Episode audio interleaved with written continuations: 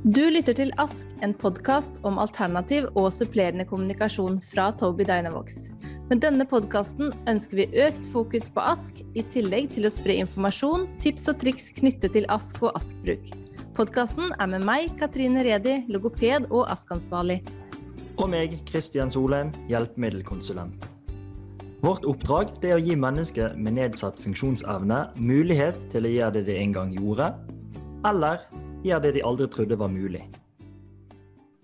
I dag lager vi en litt annerledes podkastepisode. For vi skal nemlig lage en spørsmål- og svar-episode med noen av de vanligste spørsmålene vi får om utfordringer med kommunikasjon, språk og ASK.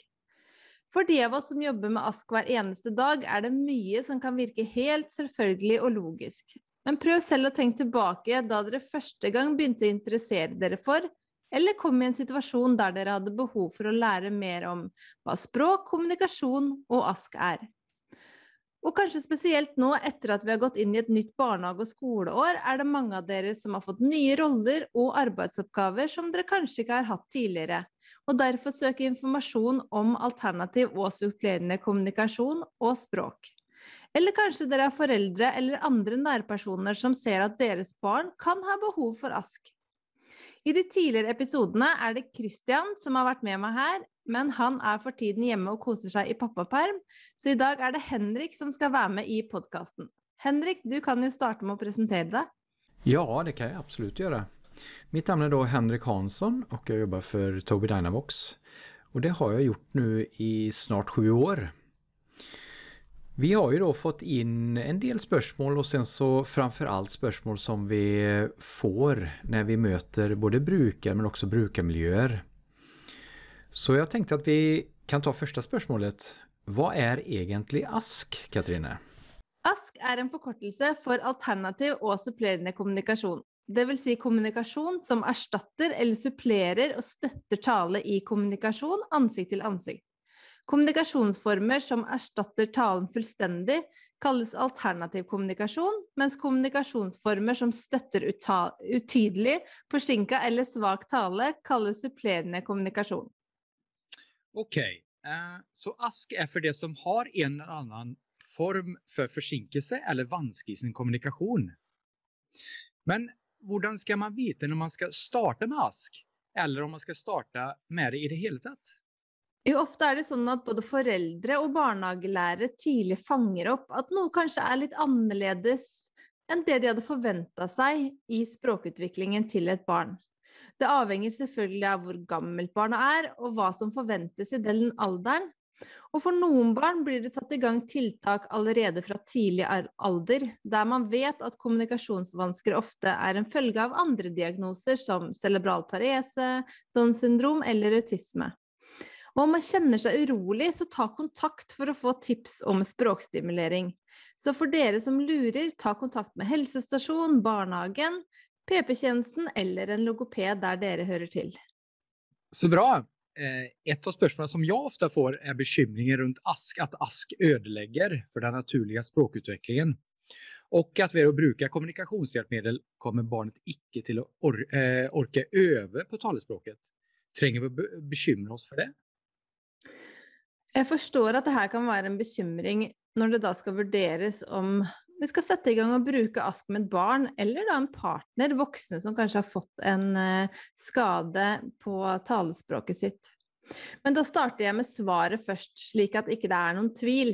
ASK vil ikke hindre et individ å bruke eller utvikle naturlig tale. Og jeg skal selvfølgelig begrunne hvorfor ASK ikke vil hindre noen i å snakke. For det er gjort en del forskning på det her, og konklusjonen er at ingen som var med i undersøkelsen, viste nedgang i taleproduksjon som et resultat av ASK-bruk. Og en positiv side var at et stort flertall, så mange som hele 89 viste en forbedring etter ASK-intervensjonen. Andre forskere igjen har sett på ASK-bruk hos personer med spesifikke diagnoser, og kom også der fram til at ASK forbedra talen for personer etter traumatisk hjerneskade eller ved taleapraksi hos barn. Så konklusjonen fra forskningen var at ASK kan være et viktig verktøy i behandling, i tillegg til en bro til funksjonell kommunikasjon, som da vil være målet. Derfor vil det være viktig å se på ASK som en del av behandlingen, istedenfor da som et alternativ eller en aller siste utvei. Ok, om man er urolig for et barns språkutvikling, er det som du sa, bedre å begynne tidlig. Ja, det er det. Bra, bra.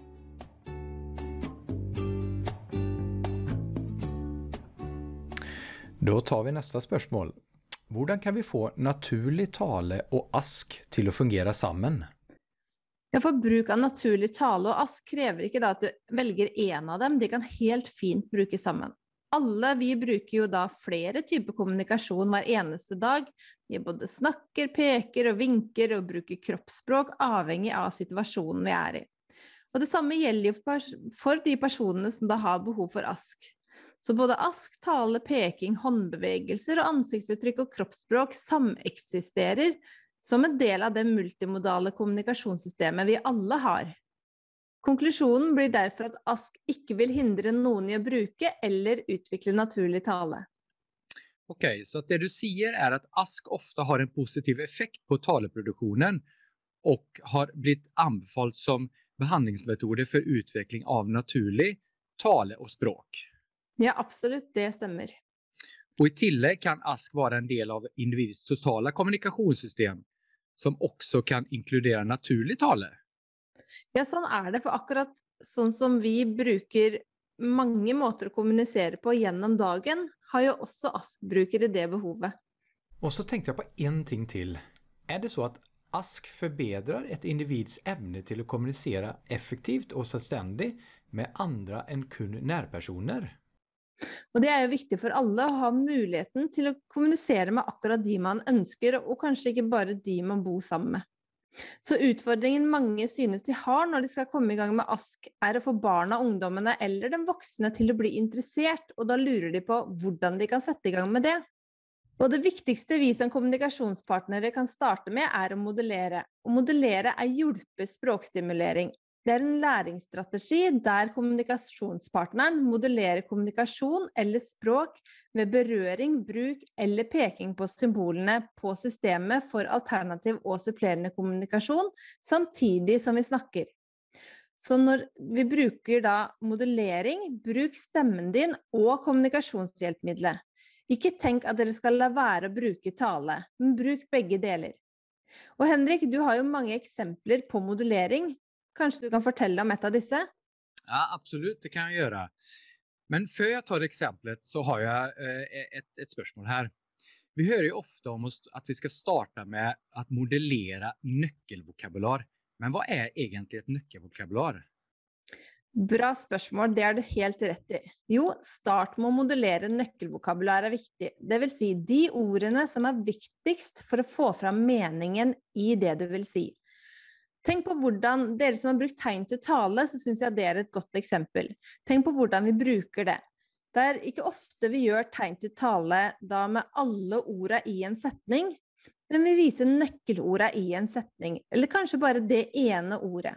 Eksempel om vi da vil formidle er du tørst, så viser vi veldig ofte kanskje da kun tegnet på halsen som viser da ordet tørst. Gjør det samme med talemaskinen, sånn at både du og brukeren da lærer hvor ordene er i programmet, sånn at dere kan gjøre det sammen. Ok, men da, kan jeg ta et uh, konkret uh, eksempel. Från, eh, kan si fra en situasjon med et barn som leker med togbarna. For det er jo sånn at selv om barnet har fått et kommunikasjonshjelpemiddel, er det ikke sikkert at han eller hun begynner med å trykke på, på denne maskinen direkte. I en slik situasjon blir det oss som voksne som må vise hvordan maskinen kan brukes. Ta med maskinen i situasjonen, sett den på gulvet der barnet leker med toget, og trykk på nøkkelvokabularet, eller kanskje muligens automatiske fraser om man har tilgang til det. Ja, veldig bra eksempel. For når vi modellerer, så krever det jo egentlig bare at vi som kommunikasjonspartner og ASK-brukeren er i en motiverende aktivitet sammen, samtidig som vi snakker og modellerer i den situasjonen. Og det vil være viktig å finne de naturlige omgivelsene, de situasjonene der aktiviteten dere gjør vanligvis, finner sted. Og Det er også viktig å tenke på at selve samhandlingen skal være så naturlig som mulig, og at modelleringen skal gjøres regelmessig og i alle individets omgivelser. Mm. Det kan kanskje bli sånn at vi voksne blir litt utålmodige og ikke synes at askbrukeren forstår eller benytter seg av hjelpemidlet raskt nok. Og hva kan vi gjøre, gjøre, ja, hva kan vi gjøre da, helt enkelt? Ja, for modellering kan jo beskrives som at det må skje i elevens nærmeste utviklingssone. Det vil si at det som ligger mellom det nivået som da barnet eller ungdommen eller den voksne er på her og nå, og kan utføre alene, og det mulige utviklingsnivået. Det som da barnet, ungdommen eller den voksne har mulighet for å klare med litt hjelp fra andre.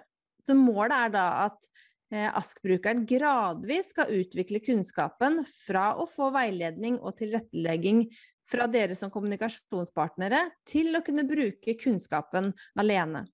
Så grunnen til det er at dersom vi legger lista altfor høyt, ikke i den nærmeste utviklingssonen, vil det være altfor vanskelig å motivere da ASK-brukeren til å overta og skulle gjøre det selvstendig. Ok, men det du sier nå, det gjelder jo egentlig alle, alle oss. Jeg husker når jeg flyttet til det huset der jeg bor i nå. Jeg skulle sette opp en enkel skillevegg, noe som jeg aldri hadde gjort før. Og Eftersom jeg ikke visste hvor jeg skulle starte, så jeg gav rett og slett opp. Men med hjelp av en eh, snill svigerfar eh, som viste meg hvordan jeg skulle gjøre, så fikk vi det til slutt eh, så at det så helt ok ut. Ja, det stemmer jo. Og det gjelder jo for alt nytt vi skal lære. At vi da kanskje trenger litt hjelp for å komme i gang. Og det gjelder jo også selvfølgelig da når vi da skal lære bort ask. Ok, ja, men det er lysende. Da går vi videre. Vi tar neste spørsmål her. Et annet spørsmål som vi ofte får, er jo det her med forhåndslagrede meldinger i kommunikasjonsappen TD Snapcore First. Bekymringen er at man ikke får uttrykt, uttrykt seg så presis som alle andre, fordi man har mange forhåndslagrede fraser klare i programmet. Så hvordan kan da forhåndslagrede meldinger i programmet være med å gjøre kommunikasjonen enklere for ASK-brukeren? Det er sånn at Forste viser at både individer som bruker ASK og talemaskiner for å kommunisere, stadig søker etter enkle måter å øke samtalehastigheten på. Og vi ønsker jo i vår kommunikasjon at samtalene skal gå ganske raskt i turtakinga. Og jeg håper at vi nå kan forklare og fortelle om historikken bak ideen om at vi da i programmet TD Snapcore First har lagt klart forhåndslagra meldinger. I tillegg til å dele noen beviser på at forhåndslagra meldinger har potensial til å levere raskere samtalehastighet uten at kommunikasjonspartnerne ser på ASP-brukeren som mindre likeverdig i kommunikasjonen. For gjennom de forhåndslagra meldingene øker vi nemlig hastigheten. Så når presisjon ikke er like viktig som hastighet, som i hverdagslige sosiale samtaler eller for, eller i forutsigbare situasjoner, øker bruken av forhåndslagra fraser hastigheten i kommunikasjonen vesentlig. For det er sånn at om brukeren produserer trege, korte svar, bedømmer vi som kommunikasjonspartnere eh, de vi kommuniserer med, som mindre gode eller interessante. Noe som selvfølgelig har en negativ effekt på ASK-brukerens vellykka deltakelse. Og det er viktig å tenke på at vi også i hverdagen vår bruker mange ferdiglagde fraser. For det er faktisk sånn at 60% av det vi sier hver dag, har vi sagt veldig, veldig mange ganger før.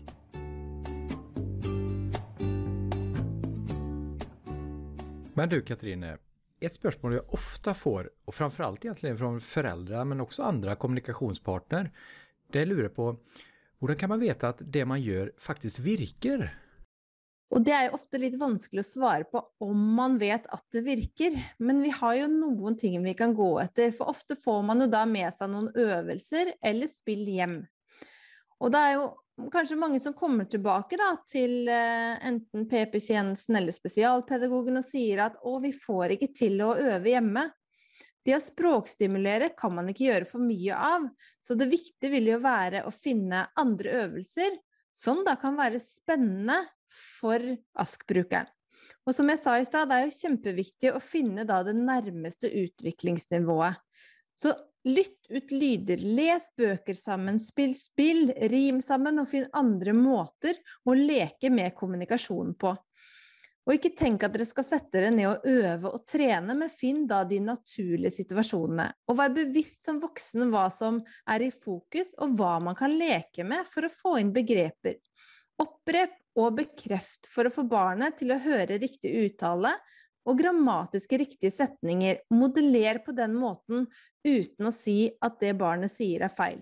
Og husk å gjøre aktiviteter som er interessante og i nærmeste utviklingssone. Ok, eh, du nevner jo her eh, forskjellige øvelser. Har vi noen magiske kort her? Eh, har vi, hvilke er egentlig de beste kommunikasjonsøvelsene? Eller fins det noen som er, som, som er den beste, rett og slett? kunne ønske at jeg hadde et supert svar på det, men det avhenger selvfølgelig av alder, og til de helt minste barna tenker jeg at veldig ofte kan såpebobler funke. Det er en morsom aktivitet, og vi kan få inn masse kommunikasjon. Og gjetteleker der vi ser på bilder, de, der vi kan beskrive, enten med maskinen eller tale, eller da bruke bøker og lese sammen, og kanskje forsøke å gjenfortelle etter. Da kan man jo komme veldig, veldig langt, men det blir jo opp til eh, den enkelte ASP-brukeren å finne noe som da kan være interessant. Men eh, hva med tospråklighet, språkvansker og behov for ASK f.eks.? Og det er jo et av spørsmålene jeg ofte får, om de da hvis de da har to språk, at de snakker ett språk på skolen og ett hjemme, om de da skal kutte ut det ene språket. Men om det er en språkvanske, vil begge språk være påvirka. Og man kan ha ulikt nivå på de ulike språka, men ved en språkvanske vil det påvirke begge to. Så flerspråklighet i seg sjøl fører ikke til en språkforstyrrelse, og det betyr ikke at man skal ta bort det ene språket for å komme rundt vansken, for det kommer til å være vanske på begge språka uansett. Hmm. Ok. Eh, vi hører jo ofte det her med høyteknologiske hjelpemidler. Men liksom, hvor raskt kan man begynne med det man kaller for høyteknologiske hjelpemidler? Det er jo et spørsmål som ofte dukker opp, og det er jo viktig å si at lavteknologi også kan være bra, men at det da ikke er en motsetning til hverandre. Jeg tenker jo at en kombinasjon av disse to vil for de fleste ASK-brukere fungere best i hverdagen. Og vi kommer jo ofte borti en oppfatning om at lavteknologi må læres før man starter med høyteknologi, at brukeren da må kunne lavteknologi først.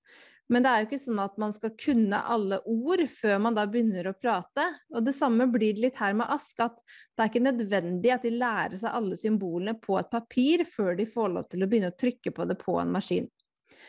Og det er sånn at Forskning viser at det er ikke sånn at man må begynne med lavteknologi. For enkelte er det kanskje en maskin som er inngangen til kommunikasjon. Og vi ser jo nå rundt i barnehagen også at veldig mange er vant til å bruke touchenheter og lett kan finne fram til filmer og spill uten problemer.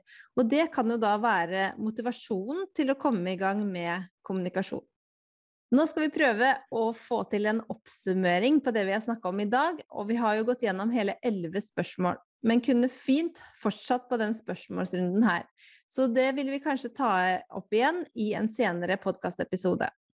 Og det er ikke så lett å oppsummere kort i dag, men eh, du kan jo kanskje prøve, Henrik? Ja, det kan jeg gjøre. Jeg har, Mens du har eh, pratet her, så har jeg skrevet ned et par punkter. Den første punkten det er er du som forelder eller fagperson usikker på barnets språkutvikling, ta kontakt. Ta kontakt med helsestasjon eller PPT for, eh, for veiledning. Det var den første punkten. Så, så skrev jeg opp en til her. Eh, for å komme i gang med ASK er det viktig at vi modellerer. Mm. Og Da modellerer vi nøkkelvokabular og modellerer i alle situasjoner gjennom hele dagen. Og Det er jo noe som vi faktisk har tatt opp i tidligere episoder også. Så skrev jeg også opp her gjennom ferdiglagede fraser har askbrukeren mulighet til å øke effektiviteten i kommunikasjonen. Og Det er det som er tanken med ferdiglagede fraser. Og så kommer vi til siste punkten. Når dere skal i gang med å bruke ask, er ikke lavteknologisk ask, f.eks. papir, og høyteknologisk, f.eks. en maskin, konkurrenter, utan det skal fungere sammen. Veldig bra oppsummert, Henrik. Så tusen takk, Henrik.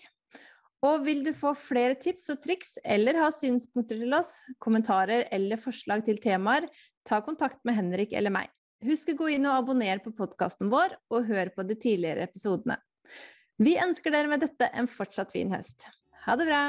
Ha det bra!